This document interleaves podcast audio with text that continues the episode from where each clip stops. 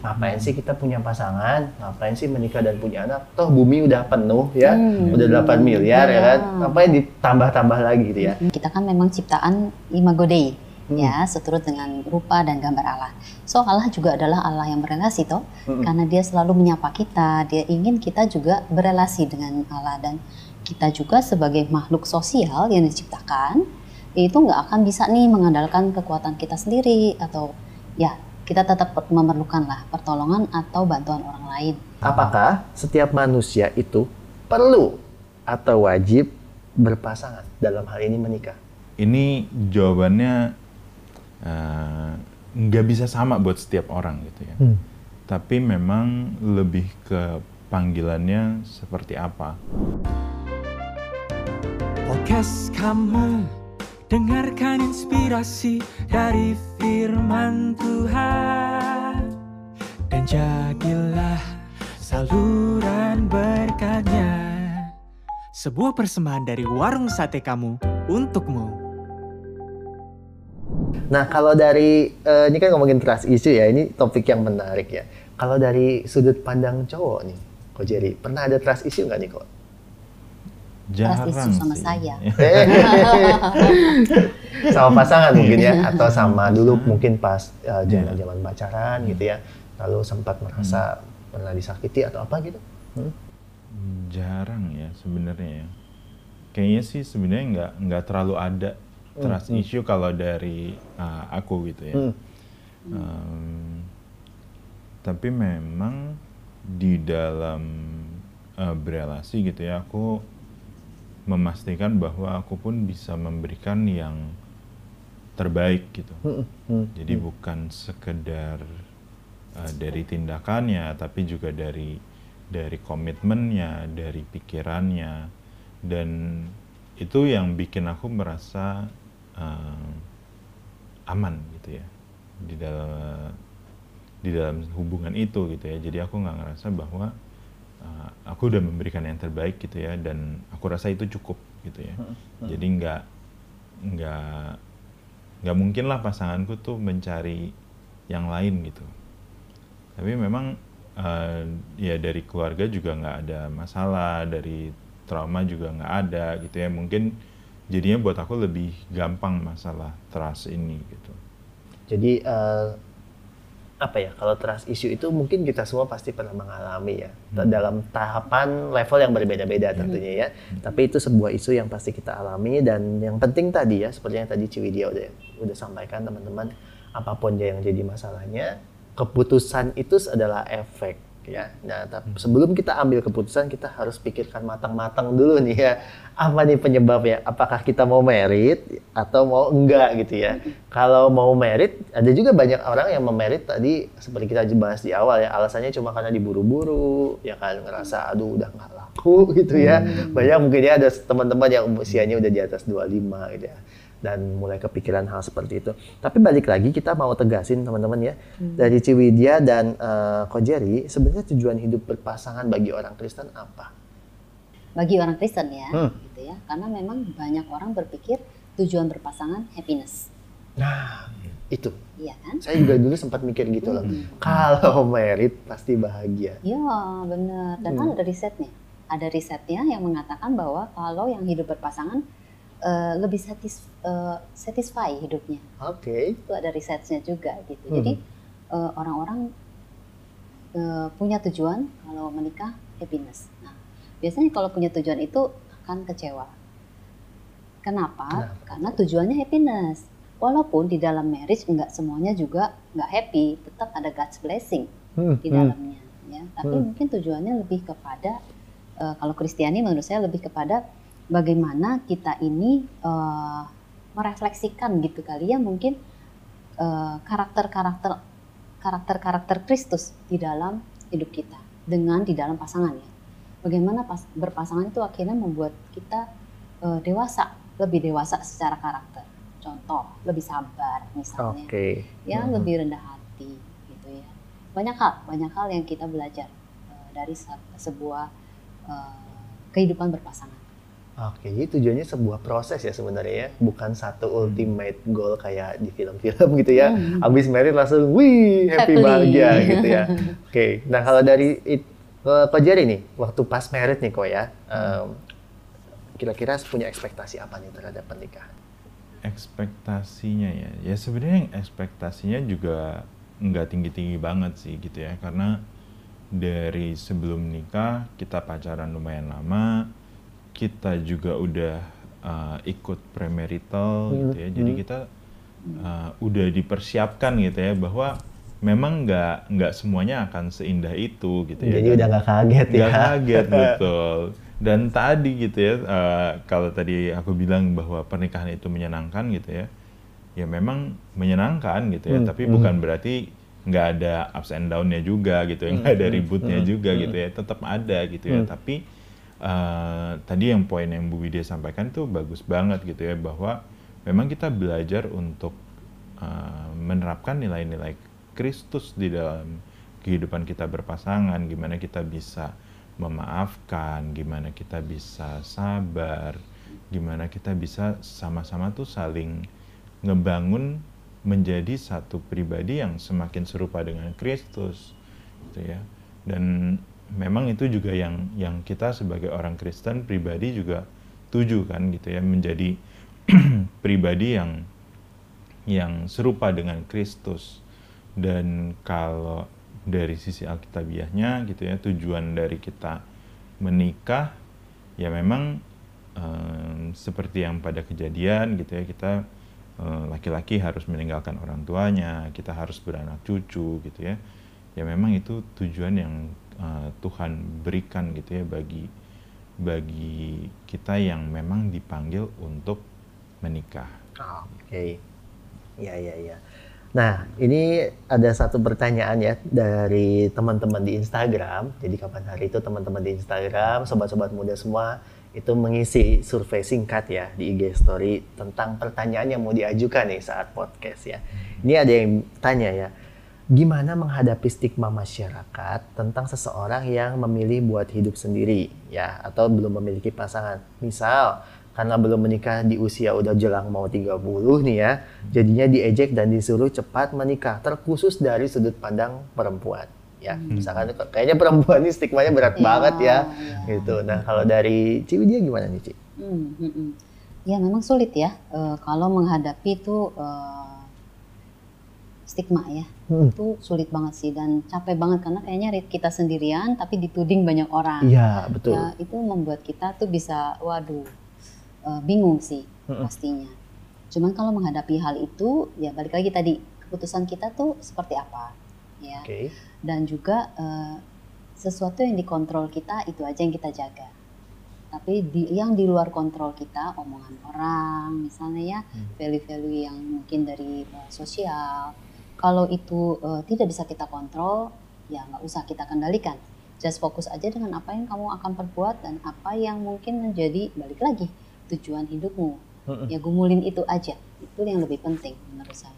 Oke, pegang ya. Kita fokus pada apa yang kita bisa kontrol ya. Terus misal ya tadi ya teman-teman keputusan kita, kita yang paling kenal kita tuh ya kita sendiri Benar. gitu ya, bukan tetangga Benar. kita, bukan teman sekantor kita Iya. gitu ya. Jadi kalau ada orang-orang lain, nah tapi mungkin ini tips praktis ya eh, Ciwidia. Kalau se- gimana nih cara menanggapi mereka nih orang-orang yang julid nih ngomongin soal Mm-mm, pasangan, gimana nih? Dibawain humor aja. Kalau ada teman saya gitu ya, Hmm. eh, belum kawin, dibalikin, mau bayarin, gitu jadinya. Oke, ya ya, di bawah Jadi, humor ya teman-teman ya. humor aja. Oke. Jadi nggak usah terlalu kayak keserang banget. Tapi memang kita perlu firm juga dengan keputusan kita. Atau kita perlu firm juga dengan ya mungkin waktunya Tuhan belum misalnya. Mm-mm. Lebih kepada seperti itu sih. Oke, jadi nggak perlu ya sampai dibawa sakit hati gitu ya, sampai merasa sakit. Karena kalau kayaknya banyak juga ya kasus di mana uh, berawal dari pertanyaan basa-basi mungkin ya, pada akhirnya membuat orang malah jadi luka, Mm-mm. trauma gitu ya. Benar, benar. Kita perlu kasih batasan buat hal itu. Mm-mm. Ya, batasan. Jangan itu semua masuk ke dalam uh, pikiran kita. Oke. Nah kalau dari Kojeri nih kok buat lelaki-lelaki nih ya yang sedang meniti karir gitu ya, Hmm. terus mereka menghadapi pertanyaan yang sama, kok nggak merit-merit, itu gimana? Mhm.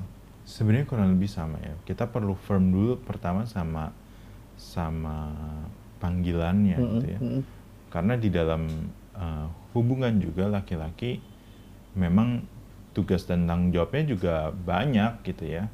Jadi kadang ada anggapannya gitu ya kalau laki-laki kan kalau nikah ya udah gitu ya uh, tinggal kerja aja gitu ya kebutuhan istri gitu ya memenuhi Ya, kebutuhan rumah tangga benar. gitu ya. Tapi sebenarnya kan uh, kita pun tetap harus uh, membesarkan anak, kita pun harus bisa ngebagi waktu dengan baik gitu ya. Kebutuhan finansial yang akan lebih besar ya pasti juga gitu ya. Jadi kita perlu firm dengan panggilan kita dan kalau memang panggilan kita untuk menikah, kita pun juga harus yakin gitu ya dengan tanggung jawab yang akan kita emban gitu Oke. gitu ya. Nah, dan gimana kalau kita menghadapi eh, sebenarnya ya julitan-julitan orang itu gitu ya kalau ya kita bisa bawakan dengan ya tadi humor gitu ya. Kalau laki-laki justru lebih gampang gitu ya mau dibayarin gitu ya karena kan eh, biasanya laki-laki benar. perannya lebih besar gitu ya. Benar. ya. Kalau mereka mau bayarin ya justru bagus buat kita gitu kan. Eh, terus mungkin juga kalau untuk keluarga uh, inti gitu ya kita ketika kita udah firm kita bisa coba untuk komunikasiin secara asertif um, apa yang jadi panggilan kita gitu ya Oke. supaya ya setidaknya orang-orang inti yang ada di, di lingkaran kita ini tahu gitu ya bahwa oh kita tuh terpanggilnya untuk untuk misalnya hidup selibat loh gitu ya Hmm, Walau Dan ap- itu hmm, tantangan sih. walaupun itu Iya. tantangan gitu ya karena nggak akan semua orang bisa mengerti itu gitu ya Benar. Uh, dan itu juga panggilan yang berat gitu ya tapi ya uh, seenggaknya ketika kita punya uh, keyakinan gitu ya dengan pilihan yang kita ambil. Terus kemudian kita juga punya support ya dari beberapa orang yang mungkin bisa memahami uh, panggilan kita gitu ya. Ya itu bisa jadi cukup sih buat kita untuk lebih ya slow aja gitu ya ngadepin Oke. uh, tekanan-tekanan dari sosial slow ya teman-temannya Hmm. itu kuncinya make it slow jadi buat teman-teman yang mengalami di kuliah Hmm. di keluarga kumpul keluarga atau lagi jalan gitu ya tetangga pada julid gitu dan kok nggak nikah nikah ya Hmm. bisa ditanggapi dengan santai jadi nggak perlu masuk ke hati sampai emosi Hmm. jangan ya teman-teman ya nah ini ada satu pertanyaan lagi ini menarik ya ini sobat muda kalau ngirim pertanyaan ini keluar banget dari unek-unek hatinya ya Hmm. ini pertanyaannya gini nih Eh, kak pengen tahu dong ciri-ciri seseorang yang punya pasangan hanya karena keinginan dan ciri-ciri seseorang yang punya pasangan karena memang itu kebutuhan. Apa nih kira-kira nih dari Kojeri dulu? Oke, kalau keinginan em, ya gampang ya. Sebenarnya tadi kita bilang gitu ya bahwa keinginan itu kan bukan sesuatu kebutuhan ya. Keinginan itu ya ya ingin dari diri kita yang yang mungkin ketika kita dapat kualitas hidup kita tuh bisa ningkat gitu ya. Hmm. Nah, tapi kalau kita punya pasangan untuk hanya untuk keinginan gitu ya, kita tahu bahwa em, ya mungkin di dalamnya nggak akan ada komitmen gitu ya. Jadi eh, terus juga kemudian keinginannya untuk memenuhi kebutuhan-kebutuhan kita gitu ya, kebutuhan diri. Entah itu kebutuhan seksual atau kebutuhan esteem gitu ya, harga diri kita untuk dapat pengakuan supaya nggak dikomenin orang gitu ya. Ya itu yang yang kita tahu gitu ya ketika eh, hubungan dilandasi keinginan itu pasti akan self-centered banget sifatnya. Oke, self center. Iya, Tapi iya. ketika kita ngomongin soal kebutuhan, ya berarti kita juga tahu kita tuh butuh untuk menerima kasih sayang, tapi kita juga tahu bahwa kita mampu memberikan kasih sayang. Gitu Ya, kita mampu buat punya komitmen di dalam hubungan itu, gitu ya. Uh, bukan cuman lagi enak-enaknya kita mau deket, kalau nggak enak kita uh, ya udah gitu ya. Tapi komitmen itu gitu ya, di mana kita setia sama satu pasangan, uh, nikmatin semuanya gitu ya, jatuh bangunnya. Nah itu uh, yang kedua gitu ya. Terus kemudian juga uh, ya kita kita tahu lagi balik lagi ke panggilan kita bahwa ya memang kita dipanggil untuk berpasangan kita punya uh, kita ngerasa kita bisa memenuhi panggilan Tuhan, kita bisa ngejalanin melayani uh, Tuhan lebih baik lagi ya dengan berpasangan gitu. Oke. Thank you Ko Jerry. Dari Ciwidya. Sebenarnya hampir mirip sih ya. Kalau keinginan ya tadi itu mungkin ingin cepet-cepet ingin keluar rumah cepet-cepet. Oke. Nah, itu keinginan juga ya. Iya iya Uh, iya. atau ingin supaya uh, lebih duluan nih yang merit dibanding teman-teman kan keren dong. Hmm. Ya kalau buat cewek ya Hmm, misalnya. Ya ingin cepet-cepet melakukan sesuatu atau ingin cepet-cepet jadi mama tanpa didasari dengan pemikiran lebih lanjut. Jadi keinginan mungkin lebih kepada uh, tanpa pertimbangan yang lebih matang mungkin ya. Oke. Jadi kalau kebutuhan ya mungkin udah tahu oh ya nih memang butuh nggak bisa nih hidup sendiri dan kebetulan udah ada pasangan gitu ya ya udah ayo kita work out dengan seperti itu itu mungkin kebutuhan. Oke, jadi ini kalau aku coba tangkap ya, kalau lebih cuma based on keinginan tuh sifatnya aku sentris banget ya. Aku pengen keluar rumah, aku pengen hidup lebih enak, aku capek kerja, pengen dinafkahi gitu ya. Atau yang cowok mungkin aku pengen ada yang masak ya, ada yang bikinin bekal gitu ya. Tapi kalau suatu kebutuhan itu berangkat dari satu kesadaran bahwa kita butuh berelasi dan kita mau melayani pasangan kita ya. Jadi goalnya ke pelayanan, growing bareng. Tadi ya aku suka kata-kata dari Ko Jerry ya, nikmati proses jatuh bangun. Pas bangun nikmatin proses oke lah ya, tapi pas jatuh itu PR banget ya tentunya. Nah, sobat muda gak kerasa nih, waktunya udah berapa lama nih, ya? lebih dari 30 menit kita ngobrol ya tentunya. Dan pastinya banyak insight yang sobat muda dapat dari sini. Dan kalau kita balik tadi ke judul podcastnya ya, punya pasangan, kebutuhan atau keinginan, dan antara menikah atau selibat mana yang lebih baik, tentunya dua-duanya baik ya, si Danko ya. baik. Karena yang penting adalah itu sebuah keputusan. Yang penting adalah gimana kita memutuskan itu, proses kita, apa yang jadi panggilan kita, dua-duanya panggilan. Ya. Nah untuk kesimpulannya nih ya, baik dari Kojeri dan Ciwidya, untuk sobat muda, untuk teman-teman pendengar podcast ini yang sedang dalam kebimbangan ya, antara mau merit atau nggak merit, ya kan, yang udah um, yang masih jomblo pengen punya pasangan atau yang udah punya pasangan masih ternyata menggumuli juga apakah memang marriage satu jenjang yang harus diraih atau enggak atau mundur itu kira-kira ada pesan apa nih dari Ciwidya? Kalau dari saya mungkin explore aja dengan apa yang mungkin kita bisa explore ya. Eh, cari kawan juga untuk sharing itu perlu banget ya. Mungkin bisa juga cari kita nih konselor-konselor kalau misalnya eh, lagi nggak available nih teman-temannya Hmm, hmm, hmm. gitu ya. Sharing, sharing allowed itu sangat-sangat membantu menurut saya karena ketika kita sharing itu akhirnya kita membuat kita mikir lagi sih Oke. dibanding kita diem aja dan muter aja aduh capek nantinya. Ini pesan penting ya teman-teman ya. Jadi apa pun yang jadi ada di unek-unek teman-teman ya kan, di-sharingkan dulu. Yes, Ya. betul. Uh, live streaming sangat terbuka tentunya ya. Mm-mm. Tapi nggak teman-teman kalau nggak ke live streaming bisa juga ada teman-teman lain biasa. Kalau uh, sharing ke orang ini ya kan, baiknya sharing ke siapa nih, Ci? Apakah harus ke banyak orang, ke semua teman Oh. dalam satu circle atau gimana? Jangan, jangan terlalu banyak orang gitu ya. Benar-benar orang yang kita bisa percaya. Mungkin mentor, mentor itu juga Hmm. seseorang yang uh, memang uh, diperlengkapi gitu ya Oke. untuk uh, menjadi men- menerima sharing dari teman-teman. Mm. Ya, atau komsel mungkin itu juga sesuatu sih yang bisa jadi komunitas kita untuk sharing. Oke.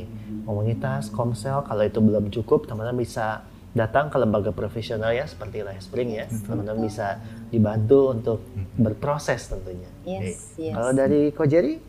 Ya buat teman-teman semua perlu banget untuk menggumuli panggilannya ya. Uh, supaya kita bisa firm dengan keputusan kita apakah itu kita mau single ataupun kita mau berpasangan gitu ya. Uh, kemudian tips juga untuk yang berpasangan mau memutuskan untuk menikah uh, ikutlah premarital class gitu ya sebanyak mungkin Oke. yang kalian bisa Penting gitu banget ya. Hmm. untuk uh, ya punya persiapan yang matang gitu ya bahkan kalian sebelum jauh-jauh sebelum menikah ikut premarital class pun juga baik gitu ya untuk uh, meyakinkan panggilan kalian gitu ya Hmm. nah dan uh, buat ya tadi gitu ya single maupun berpasangan dua-duanya adalah panggilan Tuhan dua-duanya itu baik jadi buat teman-teman juga uh, jangan judging gitu ya jangan jadi uh, masyarakat-masyarakat julid gitu ya Iya, justru buat teman-teman kita sendiri tapi ya kita bisa support mereka dengan apa yang kita bisa kasih juga gitu. Oke, ini poin penting banget ya, saya garis bawahi banget. Jangan judging ya, jangan menghakimi. Entah keputusan mereka mau menikah atau keputusan mereka mau selibat, itu adalah sebuah proses yang tentunya mereka gumulkan ya teman-teman ya, gumulkan dengan sangat. Dan tugas kita sebagai pihak lain yang melihat dari luar adalah tawarkan support ya, supaya mereka mantap dengan pilihan itu. Oke, sobat muda, ih kalau topik begini mah nggak berasa ya. Panjang pun ya kita tetap ngalir tetap enjoy. Mungkin sobat muda punya banyak pertanyaan terkait uh, topik ini atau pergumulan-pergumulan lain yang mungkin belum sempat terbahas tercover dalam podcast ini teman-teman bisa uh, komen ya di YouTube di bawah ini teman-teman bisa salurkan komen atau kalau teman-teman membutuhkan bantuan profesional berupa konseling teman-teman jangan ragu untuk menghubungi Livespring ya mungkin ada kontak IG atau apa bisa di share Ya, IG kita Live Spring Counseling. Oke. At Counseling. Berarti bisa langsung ya teman-teman kalau ada pengen bertanya ya, pengen tahu lebih lanjut, langsung follow dan DM aja ke Yes. Live Spring Counseling. Dan jangan lupa teman-teman podcast kamu ini adalah sebuah program reguler yang dihadirkan di warung sate kamu untuk memperlengkapi teman-teman dalam bersaat teduh. Jadi kalau teman-teman saat teduh tiap pagi, itu teman-teman perlu belajar lebih lagi untuk apa? Untuk growing imannya, untuk growing dalam berbagai hal dalam pengetahuan juga. Jangan lupa subscribe dan follow semua media sosial warung sate kamu ya teman-teman. Dan sebelum kita akhiri podcast ini, kita mau berdoa bareng-bareng untuk semua sobat muda yang mendengarkan podcast ini. Saya minta kesediaan dari Ciwidya. Oke. Mari kita sama-sama berdoa.